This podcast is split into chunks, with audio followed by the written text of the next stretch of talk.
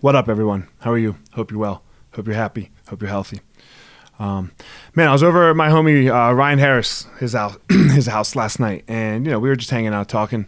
Smoked my first cigar in like ten years, but anyway, I I digress. You know, and we were talking, and, and he sent over a quote afterwards. You know, like that he was reading, and it's from Albert Einstein, and the quote was, "If I had an hour to solve a problem, and my life depended on the solution." I would spend the first 55 minutes determining the proper question to ask. For once I know the proper question, I could solve the problem in less than five minutes.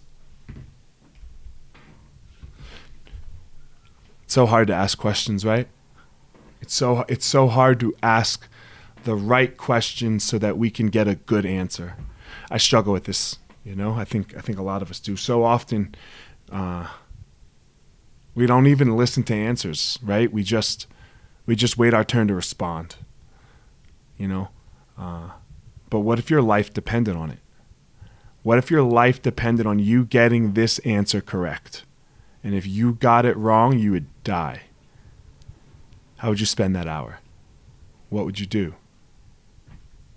Would you really contemplate the question that you were going to ask so that you know that you could get to the right answer? Or would you just start blabbing away? I, I know I, I, I blab a lot, so I get it. You know, if, if you're if you're in that camp with me, it's hard, right? It's one it's one thing that the great pause has done for us. It's slowed it down for us. Maybe we'll start asking some questions. Maybe we'll start asking ourselves the right questions. I talked about this earlier, right? What do I want with my life? What do I want in my life? What don't I want in my life? It's a great time to think about it.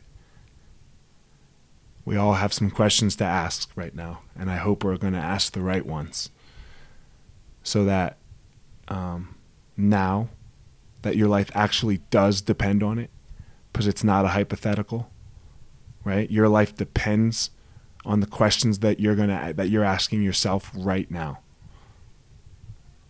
It always does. So, what are you going to do? What question are you going to ask? Find your power.